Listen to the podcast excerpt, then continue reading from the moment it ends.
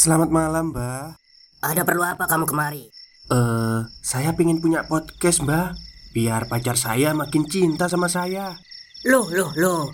Mau bikin podcast kok tanya dukun? Sekarang kamu download aplikasi Anchor.fm. Di situ kamu bisa buat podcast gratis dan podcast kamu bisa didistribusikan ke platform mana pun. Dan di aplikasi atau website Anchor.fm juga terdapat fitur-fitur yang memudahkan kamu untuk membuat podcast. Oh, gitu ya, Mbak. Kalau gitu, saya boleh minta password wifi-nya, Mbak. Buat apa? Buat download Anchor.fm, Mbak.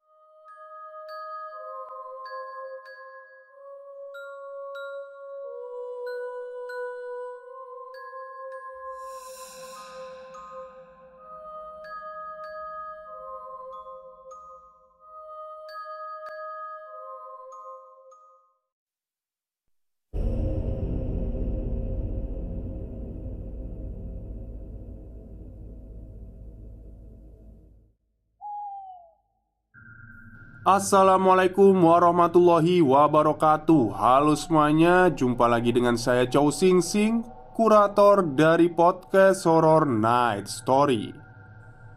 Halo apa kabar semuanya, semoga kalian semua sehat-sehat ya.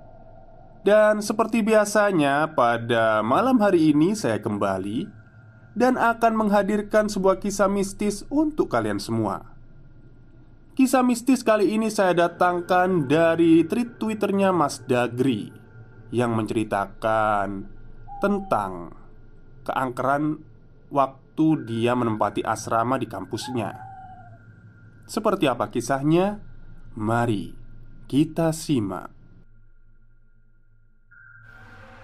Seperti yang kalian tahu Asrama adalah tempat penginapan yang ditujukan untuk anggota suatu kelompok, umumnya murid-murid sekolah. Tahun 2016, aku dinyatakan diterima di sebuah kampus swasta di salah satu kota besar di Indonesia. Sebut saja kota B. Peraturan di kampus tersebut ada aturan di mana setiap mahasiswa atau mahasiswi yang baru wajib untuk tinggal di asrama selama satu tahun. Asrama yang aku tempati ini seperti asrama pada umumnya, sebuah bangunan dengan kamar-kamar yang dapat ditempati empat orang untuk setiap kamarnya. Asramaku ini lumayan luas Terdapat 12 gedung asrama Dengan fasilitas kamar mandi Empat kasur Empat meja kursi empat lemari dan satu cermin besar di setiap kamarnya. Sudah sangat lengkap menurutku. Per lantai disediakan satu lobi yang biasa digunakan untuk kumpul-kumpul atau mengerjakan tugas kelompok. Pada lobi terdapat dua kursi panjang stainless, seperti di lobi-lobi rumah sakit, satu meja kaca, dan satu TV. Di setiap gedung terdapat ibu atau bapak helpdesk yang berjaga di lantai bawah dari pagi hingga malam sekitar jam 22 serta ada cleaning service setiap paginya. Jadi, bentuk gedung asramanya itu persegi panjang. Aku tinggal di asrama gedung 6 dengan kamar 426 lantai 4. Di sini ada Fajar, David, Udin, dan Fridus. Nama samaran semua. Namaku Fajar. Kami semua beda jurusan dan fakultas, kecuali aku dan Fridus. Kami satu fakultas, namun beda jurusan. Bulan-bulan awal kuliah, kehidupan kita di asrama tergolong santai karena perkuliahan pun belum terlalu padat dan belum banyak tugas juga karena masih awal perkuliahan. Sampai pada suatu sore, tok tok tok, sore. Suara Udin sambil membuka pintu dan melepaskan sepatunya. "Dari mana, Din? Baru balik?" kataku. "Tadi habis first mat sama anak-anak kelas," kata Udin. Udin menutup pintu kamar dan dia segera menuju kasur untuk rebahan sembari memainkan ponselnya. Jam dinding menunjukkan angka 5 Tanda sebentar lagi matahari akan bertukar posisi dengan bulan. Karena posisi kamarku dekat dengan lobi lantai 4 Jadi terkadang terdengar suara orang-orang penghuni asrama Yang sedang kumpul di lobi Gimana first match-nya Din? Seru nggak anak-anak kelasnya? Kata David sedang duduk di meja belajar 4 Lumayan lah Cuman belum terlalu akrab aja. Kata Udin sembari memainkan ponselnya. Waktu pun berlalu. Jam sudah menunjukkan pukul 22 Semuanya pun mulai tertidur pulas. Aku terbangun. Kulihat Jam dinding masih pukul 2 malam Aku terbangun gara-gara aku mendengar ada geretan benda di lorong depan kamar seperti kursi besi yang diseret perlahan. Wah, mungkin ada tetangga asrama yang mindahin kursi. Pikirku saat itu. Paginya aku terbangun pukul 7 pagi. Aku segera mandi karena akan mencari sarapan. Kebetulan hari ini kuliah siang. Tiba-tiba terdengar ketukan pintu di kamar mandi. Aku yang lagi mandi nyaut dong Siapa? Mau mandi ya? Bentar ya Kataku Tidak terdengar jawaban dari luar Dan aku lanjutkan untuk mandi Saat keluar dari kamar mandi Aku tengok teman-temanku masih tertidur Di kasurnya masing-masing. Aku masih positif thinking. Ah, anak-anak pasti jahil Kataku dalam hati. Kulanjutkan niatku untuk mencari sarapan. Beberapa minggu berlalu Setelah suara deretan pintu besi dan ketukan pintu Ada Firidus yang bercerita padaku Eh, Jar Ngerasa nggak sih asrama ini ada kejadian aneh? Ucap Firidus membuka pembicaraan. Enggak sih Sejauh ini masih aman Kataku Memangnya Kejadian aneh seperti apa? Kemudian Fridus bercerita. Jadi gini Jar. Beberapa hari yang lalu pas aku tidur Aku itu terbangun. Terus kulihat jam masih menunjukkan dua malam Aku terbangun gara-gara aku dengar ada suara seretan kursi Dari depan kamar kita. Aku penasaran Siapa sih yang nyeret kursi malam-malam gini di depan kamar orang? Ganggu orang tidur aja. Karena penasaran Aku intip dari kaca di atas pintu. Soalnya kan kasurku di atas deket pintu. Jadi deket ke jendela kaca di atas pintu. Pas aku lihat Ternyata ada sosok perempuan bergaun merah. Ya kayak gaun pesta gitu. Posisinya membelakangiku. Dalam pikirku Kok bisa ada perempuan malam-malam masuk ke gedung asrama cowok?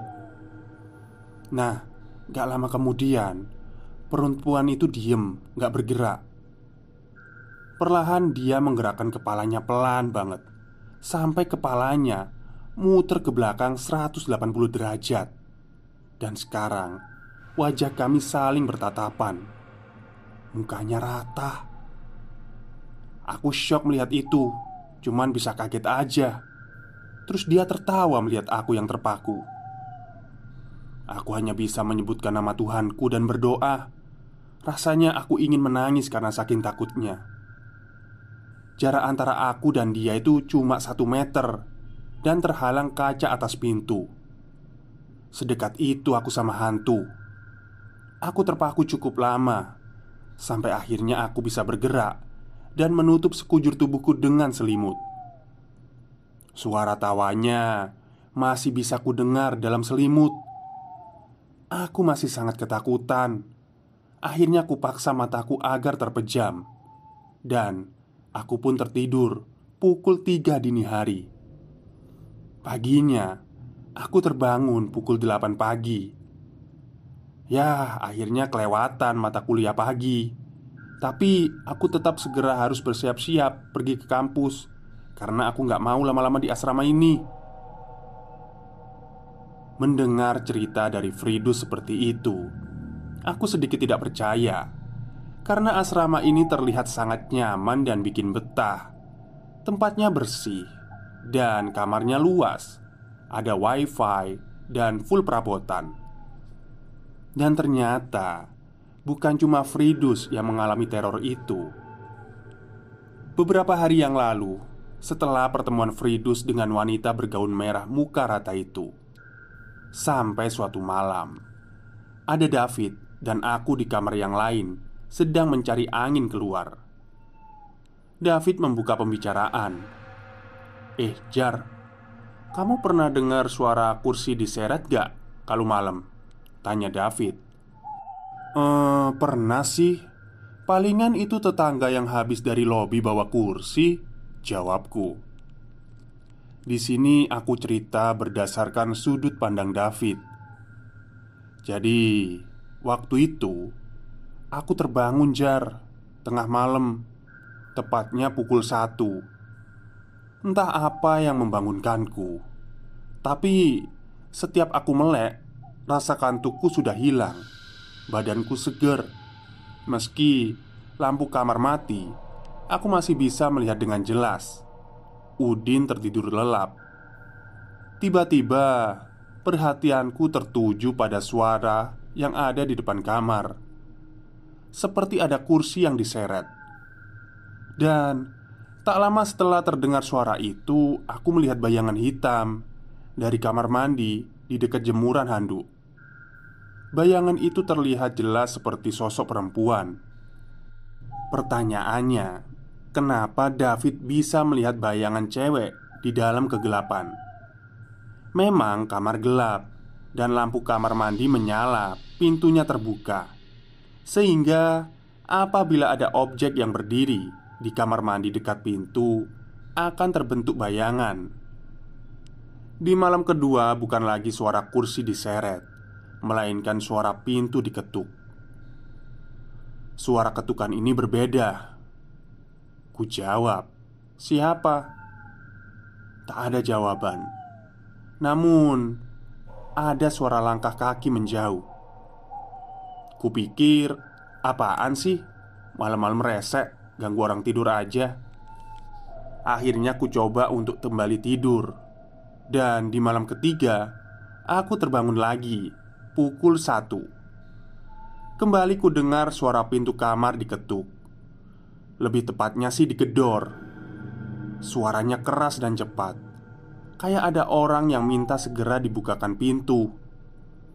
Saat ini aku mulai merasa ada yang aneh Gak mungkin teman-temanku balik dari kampung halaman Baru tadi pagi terus mereka berangkat Terus sekarang udah balik lagi Posisiku sedang sendiri, semuanya lagi pada mudik ke kampung halaman.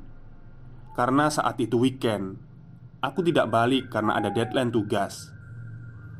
Ya, aku diam saja, tidak memberi respon. Sial, aku sendirian di asrama, malam-malam begini, kataku dalam hati. Tak berselang lama, kamar kembali digedor. Semakin lama, semakin keras ketukan itu. Akhirnya, aku hanya bisa diam di kasur dan menutup sekujur tubuhku dengan selimut. Semuanya hening. Tak berselang lama, aku mendengar suara orang perempuan. Suaranya kecil tapi cukup jelas, dan aku bisa mendengar apa katanya. "Saya tahu kamu belum tidur." Suara itu diikuti ketawa melengking. Khas kuntilanak. Aku hanya bisa berdoa dalam hati. Semoga malam cepat berlalu. Cerita dari sudut pandang David selesai. Aku yang mendengar cerita David Mencoba menghubungkan apa yang telah diceritakan oleh Fridus sebelumnya Aku berpendapat Jangan-jangan pelakunya sama Selang beberapa hari setelah kejadian yang menimpa David, aku bertemu dengan Fridus di gedung fakultas. Kusapa dia dan sekalian kutanyakan beberapa hal tentang kejadian yang menimpa teman sekamar David. Fridus, kamu udah ceritain ke David ya soal yang kemarin? Tanyaku. Cerita apa? Jawab Fridus. Lalu ku ceritakan kembali apa yang diceritakan David. Fridus hanya bisa diam, kemudian berkata padaku, Sepertinya hal yang sama menimpa David Jar Stop stop Kita break sebentar Jadi gimana? Kalian pengen punya podcast seperti saya? Jangan pakai dukun Pakai Anchor. Download sekarang juga Gratis. Kok bisa ya? Tanyaku. Aku pernah sih mendengar suara geretan kursi tengah malam di lorong depan kamar Tapi aku masih berpikir positif. Lanjutku Aku pernah ketindian, kata Fridus. Jadi menurut Fridus Ia terbangun pada tengah malam. Ia tidak bisa memastikan pukul berapa kejadian itu. Tapi yang terjadi adalah Fridus mengalami ketindian. Fridus merasa seperti ada yang menekan dari atas. Badannya tidak bisa digerakkan, namun matanya bisa membuka mata dan melihat sekeliling. Ia bisa melihat David dan aku tertidur pulas. Semakin Fridus mencoba menggerakkan badannya, semakin pula ia tertekan, tak dapat bergerak. Di saat itulah ia menyadari ada yang menimpanya. Ia melihat bayangan merah di atasnya. Semakin lama, semakin jelas membentuk sosok perempuan berambut hitam panjang dengan gaun merah. Sosok itu seperti mendekatkan wajahnya ke wajah Fridus, seperti sedang memperhatikan wajah Fridus dengan muka yang sudah tidak terbentuk, alias rata.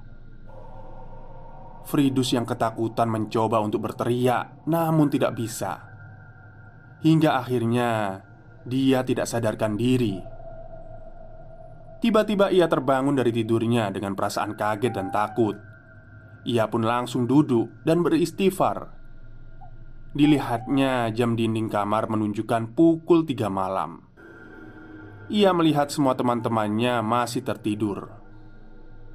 Fridus tidak begitu menanggapi hal itu dengan serius Karena ia berpikir mungkin saja ini hanya mimpi Selang beberapa hari setelah kejadian tersebut Penghuni kamar sering mengalami kejadian aneh Seperti kursi depan meja belajar bergeser sendiri Suara ketukan pintu di kamar mandi dan jemuran handuk tiba-tiba terguling Serta makanan yang baru dibeli Pas mau dimakan itu tiba-tiba basi. Semakin lama Suasana di kamar asrama semakin tidak kondusif. Menurutku Udin dan Fridus sering ketindihan Apabila salah satunya tidur sendirian di kamar. Sampai di mana saat di bulan-bulan terakhir di asrama. Kali ini aku yang diganggu. Pada awalnya aku terbangun pukul satu. Saat itu semuanya sedang mudik. Dan giliran aku yang tidak balik karena menjadi panitia acara di kampusku. Aku terbangun karena tenggorokanku terasa kering dan haus. Jadi aku turun dari kasur dan mengambil minum di meja. Saat sedang minum, terdengar suara deretan kursi dari luar. Awalnya cuek karena takut, karena aku sendirian. Setelah beres minum, aku kembali ke kasur terdengar lagi suara seretan kursi itu. Karena merasa terganggu, aku menggertak dengan suara keras. "Berisik!" Langsung saja, hening, tidak ada suara. Di sini posisiku tidur terlentang. Tak lama dari hening itu, tiba-tiba ada sosok wanita bergaun merah Rambutnya panjang dan mukanya rata Duduk di atas badanku dan berkata sangat kencang Jangan suka ngatur saya Lalu sosok tersebut menghilang. Semenjak itu, setiap ada suara apa pun, aku cuek karena kapok. Menurut beberapa temanku yang paham begituan, asrama gedungku sekarang ini makin ramai oleh mereka yang tak kasat mata. Kebanyakan dari tempat lain, dan bisa sampai ke sini karena mengikuti anak-anak asrama. Kemudian mereka betah di sini, jadilah mereka menetap di sini, dan aku setelah check out asrama karena sudah satu tahun tinggal di sana Ngontrak di rumah di daerah depan kampus. Terima kasih. Baik, itulah cerita singkat dari Mas Dagri. Iya, Mas Dagri ya? Oh iya, Mas Dagri. Mengenai teror asrama saat dia dulu menempatinya. Sebenarnya cerita bangunan asrama itu banyak ya kejadian-kejadian seram. Saya dulu juga satu tahun di asrama waktu kuliah. Dan Alhamdulillah sih cuma Ya cuma perasaan aja. Belum pernah Ya semoga aja nggak ketemu ya. Pokoknya nggak ketemu lah sama mereka. Oke mungkin itu saja cerita pada malam hari ini. Kurang lebihnya saya mohon maaf. Wassalamualaikum warahmatullahi wabarakatuh